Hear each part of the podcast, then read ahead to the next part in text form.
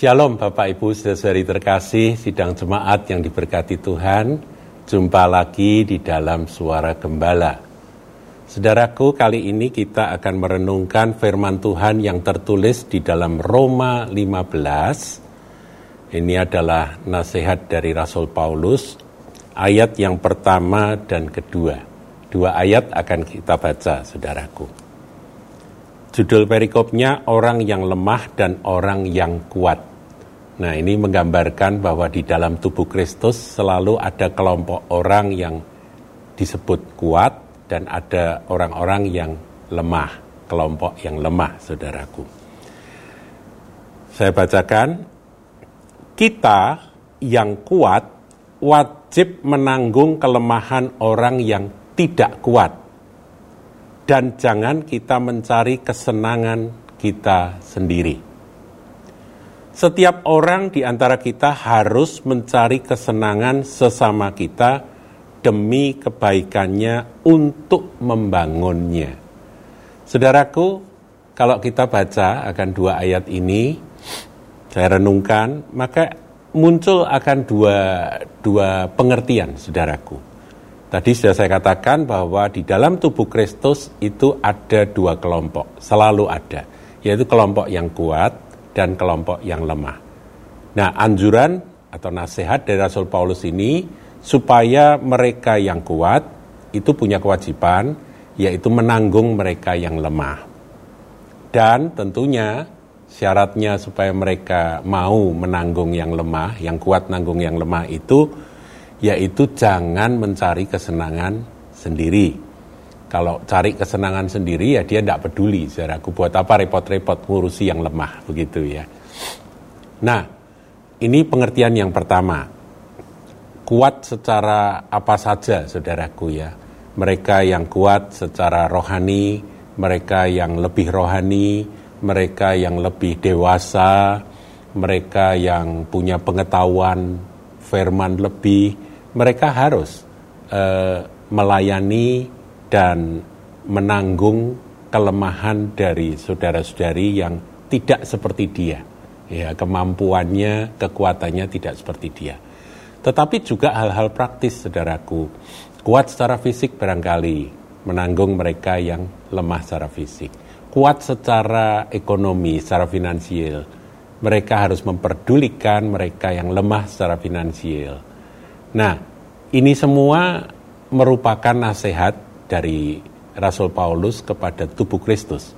Nah, kalau tubuh Kristus melakukan hal ini, maka keindahan dari gereja Tuhan itu akan betul-betul nampak, saudaraku. Ya, nah, caranya bagaimana? Yaitu setiap orang di antara kita harus mencari kesenangan sesama kita demi kebaikannya untuk membangunnya. Jadi, Ya intinya jangan mikiri diri sendiri, jangan egois, jangan cari senengnya sendiri gitu saudara. Mulai memperdulikan akan kondisi dari orang lain. Yang lemah atau katakan lebih lemah dari diri kita. Yang lebih dewasa, yang lebih kuat, yang lebih mapan, mereka menopang atau memperhatikan bahkan menanggung akan kelemahan dari saudara-saudarinya termasuk dalam pengetahuan saudaraku ya dalam pengetahuan rohani. Jadi kalau ada yang pengetahuan rohaninya itu masih muda rohani masih belum paham banyak tentang kebenaran firman ya dilayani dengan sabar. Nah saudaraku tetapi ayat ini juga memunculkan satu pemahaman yaitu bahwa siapa sih sebetulnya orang kuat? Siapa yang termasuk kelompok orang kuat itu? Apakah mereka orang yang memang kuat secara ekonomi, mereka otomatis menjadi kuat, disebut orang kuat di sini? Kar, eh, karena dia eh, punya kekuatan eh, finansial, kekuatan ekonomi yang lebih daripada yang lain. Apakah seperti itu? Jawabnya iya, tapi juga tidak, saudaraku karena sekali lagi ayat ini kalau kita renungkan memunculkan akan dua pemahaman. Pemahaman yang kedua yaitu siapa saja yang punya hati untuk menanggung akan kelemahan saudara-saudarinya, dia termasuk orang kuat. Meskipun, saudaraku, sebetulnya secara ini ya, secara kasat mata atau secara penilaian secara objektif, dia sebetulnya tidak terlalu kuat. Misalnya, ada orang yang secara finansial dia sebetulnya bukan orang kuat sekali, bukan orang kaya sekali. Tetapi hatinya itu penuh dengan belas kasihan kepada mereka-mereka yang berkekurangan. Dia selalu menyisihkan akan apa yang dia punya untuk menanggung yang lain.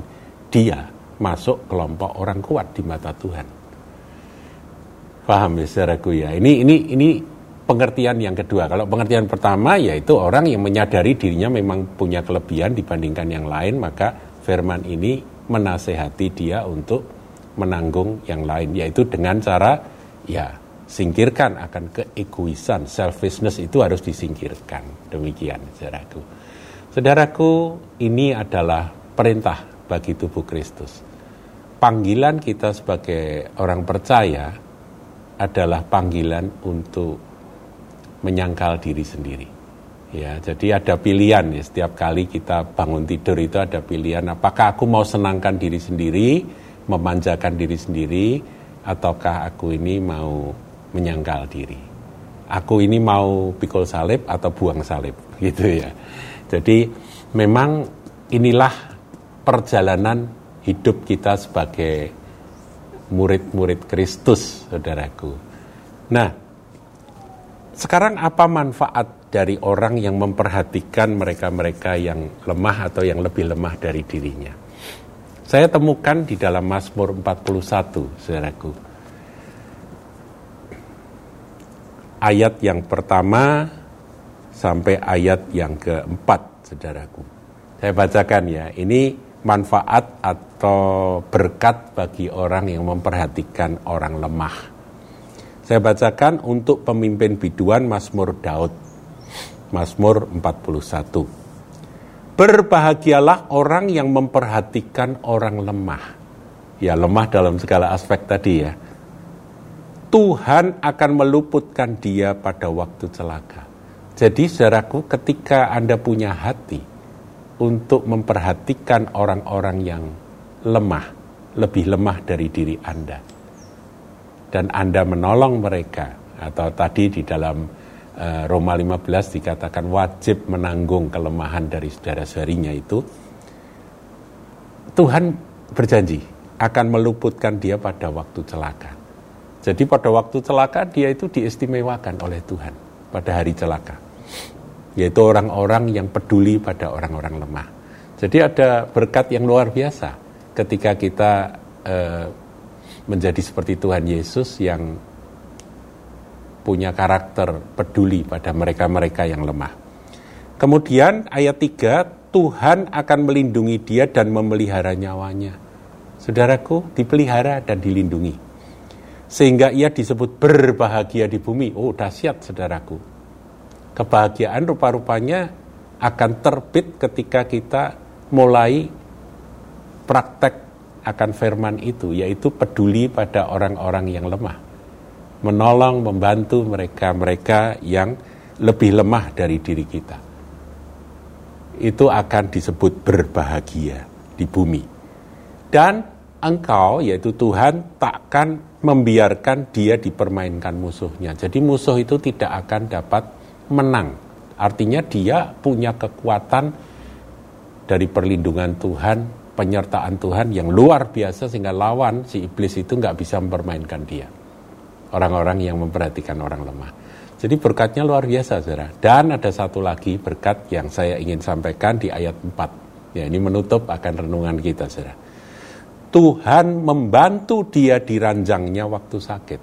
Jadi ketika orang yang punya hati seperti itu, yaitu mempedulikan orang-orang yang lemah, ketika dia sakit, ketika dia berbaring sakit, Tuhan membantu dia. Jadi Tuhan itu mendampingi akan orang-orang yang seperti itu, yang punya hati peduli pada orang-orang lemah itu, ketika dia diranjangnya pada waktu sakit, Tuhan menolong dia di tempat tidurnya. Kau pulihkan sama sekali dari sakitnya. Jadi janji pemulihan dan kesembuhan itu nyata. Dahsyat saudaraku. Jadi bukan berarti bahwa kalau kita menyangkal diri, kita tidak mencari kesenangan diri sendiri, tapi membangun orang lain yang lemah dengan berbagai macam cara, kita mendoakan, kita menasehati, kita menolong, kita membantu, kita mencarikan jalan keluar bagi mereka-mereka yang sedang dalam persoalan, dalam kelemahan mereka, maka Tuhanlah yang peduli pada kita. Jika sakit, dia akan membangkitkan kita, menyembuhkan kita. Tuhan Yesus memberkati.